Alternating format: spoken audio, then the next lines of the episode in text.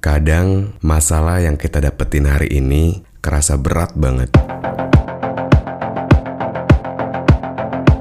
Sampai akhirnya ngerasa kalau nggak ada orang yang mau dengerin kita.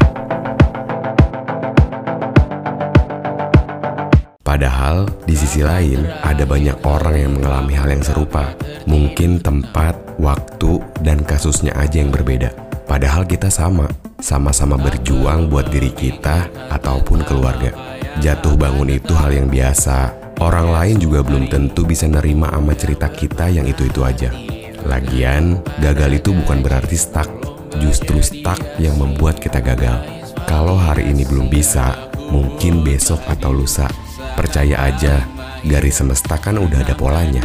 Cuman belum ketahuan aja gimana hasil akhirnya. Kita semua gagal Angkat minumanmu bersedih bersama-sama